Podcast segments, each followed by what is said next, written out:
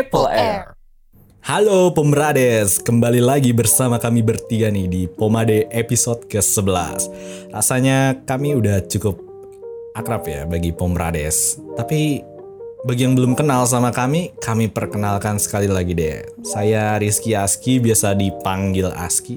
Lalu ada Aku Rifki, biasa dipanggil Iki.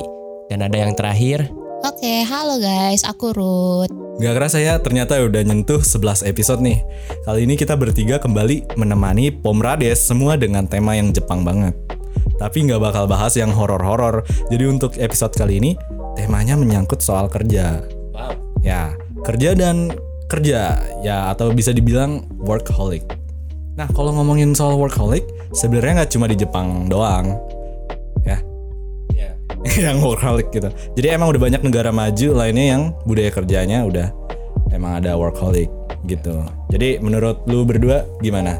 menurut gue sendiri sih itu memang ada sih di beberapa negara juga. Terlebih lagi dari samping Jepang itu di Korea kan ya sama-sama workaholic juga lah. Yang tingkat stresnya tuh tinggi, cukup tinggi juga gitu. Iya, kalau dari eh, dari gue sendiri sih ngelihatnya benar sih, maksudnya ada banyak negara juga yang nerapin workaholic, terutama di kota-kota gede gitu ya. Kalau Jakarta juga sendiri eh, bisa dilihat juga banyak yang sebenarnya kalau ber- berlalu-lalang tuh orang-orang kerja gitu ya. Jadi ya bener sih banyak negara yang udah nerapin workaholic. Oke, tapi di sini kita bakal bahas khusus workaholic yang di Jepang aja karena memang udah mendunia apa? mendunia banget budaya workaholicnya. Jadi kita langsung aja yuk masuk ke bahasannya. Oke, yang pertama yaitu sebutan untuk para workaholic di Jepang, yaitu karoshi. Nah, ini nih menurut artikel yang udah ditemuin sama writer kita, karoshi itu adalah istilah yang digunakan untuk mereka yang memiliki otak eh, gila kerja yang berlebihan sehingga mengakibatkan gangguan kesehatan bahkan sampai kematian. Waduh, jadi ya sebenarnya arti dari karoshi itu selain dari eh, bisa mengartikan buat orang Jepang yang workaholic, karoshi itu juga bisa diartiin kayak sebagai mati atau meninggal ya. Gara-gara ke ya, ya gara-gara kebanyakan eh, yang workaholic itu atau karoshi ini kebanyakan kerja ya terlalu capek kerja gitu. Jadi sebenarnya buat kita anak sastra Jepang ini yang belajar budaya Jepang sendiri kalau denger yang kayak gini sih mestinya udah nggak terlalu kaget ya. Karena ya, karena ya, betul. Karena emang udah budaya etos kerja masyarakat di sana tuh tinggi banget. Tapi yang jadi permasalahannya ya etos dan jam kerja yang tinggi itu nggak dibarengin dengan istirahat atau libur yang cukup gitu. Jadi bisa jadi karena emang tuntutan dari perusahaan atau keinginan dari orangnya sendiri buat nggak libur Ya kira-kira kalau semangat kerja separah ini ada nggak ya di Indonesia? Eh, Kira-kira kalau ada pun negara kita bisa maju nggak ya kayak negara Jepang? Waduh, kayaknya belum. Dilihat dari orang-orangnya Iya, SDM-nya belum siap sih sepertinya ya. Bener-bener.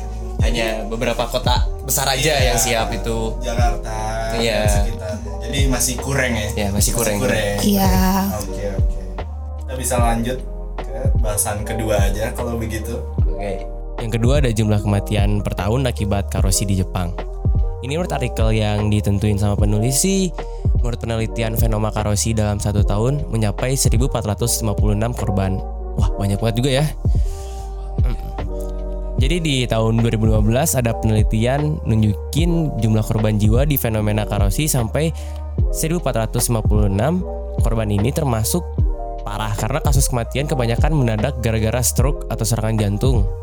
Kenapa nggak diserang lagi ya jantungnya ya? Serang balik gitu. Akibat ya akibat terlalu capek kerja bisa dibayangin seribu orang lebih meninggal gara-gara kecapean kerja dan di Jepang budaya kerjanya masih tetap sama alias hampir gak ada perubahan sama sekali di sistem kerjanya. Kalau hal semacam ini kejadian di negeri Wakanda mungkin udah banyak oknum yang bakal saling salah-salahin satu sama lain. Menurut kalian ini gimana fenomena ini? Gimana ya? Menurut gua sih ya Jepang kan emang orangnya pekerja keras ya dari dulu. Jadi nggak heran, udah nggak heran sih untuk ngelihat apa orang yang apa banyak yang meninggal akibat dari hard work gitu oleh company-company di Jepang. Tapi untuk negara seperti kita mungkin Hmm, Ya lebih santuy emang Iya. dari dulu Iya. emang udah ya. orang santai. Benar sekali. Terus gimana Ruth? Ya kalau dari gua sih ya sama aja sih kayak ya udah emang dari budayanya mereka sendiri gitu ya yang memiliki nilai kerja yang tinggi gitu dibanding dengan negara kita.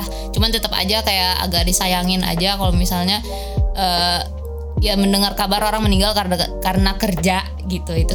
Kalau mungkin dari dari gue sendiri ya. sayang Iya, eh, terlalu dari gue sih ya. menyayangkan. Kan duit nomor satu kayaknya ya. Oke dan yang terakhir tuh ada alasan kenapa warga Jepang tuh terlalu workaholic. Jadi menurut penulis dari artikel yang writer kita temuin, ada beberapa alasan kenapa orang Jepang itu workaholic. Jadi yang pertama itu karena sedari dini sudah ditanamkan dari lingkungannya itu kalau bekerja itu merupakan kehormatan. Terus yang kedua karena banyak perusahaan bakal ngasih bonus yang bener-bener bener-bener gede, entah itu berupa gaji atau liburan dua kali lipat lebih banyak. Jadi ya force apa? Mereka itu di force buat wah kerja kerja kerja, ini kamu bonus gitu. Iya, iya. Yes yes. Terus yang berikutnya karena mereka nggak mau bikin kecewa atasan atau perusahaan. Kan biasanya orang Jepang nggak enakan banget iya. gitu ya orang nggak enakan sendiri jadinya. Iya merasa malu. Jadi ini tuh hal yang kita udah banyak tahu ya kalau di Jepang itu harga diri emang penting banget.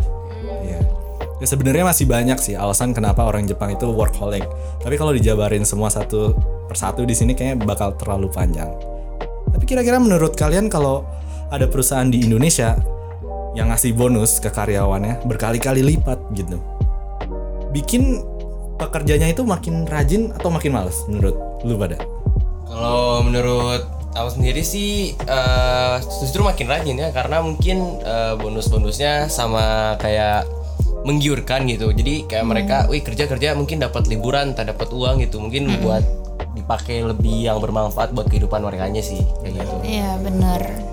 Iya benar. Gue juga eh, kalau melihat dari alasannya sih, kayaknya gue juga setuju kalau dikasih bonus yang berlipat kali ganda tuh kayaknya jadi makin semangat gitu ya kerjanya. Tapi itu balik lagi ke masing-masing ya. Kadang ada yang kayak udah dikasih bonus segala macamnya kayak ah, capek gitu, tetap capek. Jadi Capek, eh, eh, balik ke keadaan masing-masing orangnya sih. Gitu. Ya, bersyukur lah. Hmm, bersyukur aja. Gak kerasa dari kita udah ngobrolin workaholic. Tapi sekarang waktu kita masuk ke sesi kesimpulan. Iya iya iya. Jadi kesimpulan episode kali ini bakalan berbentuk kutipan yang dapat oleh penulis yaitu Jadi, workaholic tidak selalu terjadi karena yang bersangkutan menyukai apa yang ia lakukan itu. Tidak sedikit yang bekerja karena tekanan, dan juga banyak orang Jepang bekerja berlebihan dari sisi waktu, tenaga fisik, dan pikiran. Akibatnya terjadilah kelelahan berlebihan akibat kerja yang terlalu keras itu. Tidak sedikit juga yang berujung kepada kematian. Sekian untuk episode kali ini. Terima kasih banyak untuk Pom Rades semua yang udah nemenin kami dari awal Sampai akhir bahas topik kali ini. Mohon maaf bila ada kesalahan kata atau penyampaian. Jangan lupa untuk follow dan share podcast Hima Himade ke teman-teman Mobrades. Semuanya ya. Sampai ketemu juga di episode berikutnya di bulan depan. Jane. Jane. Goodbye, goodbye.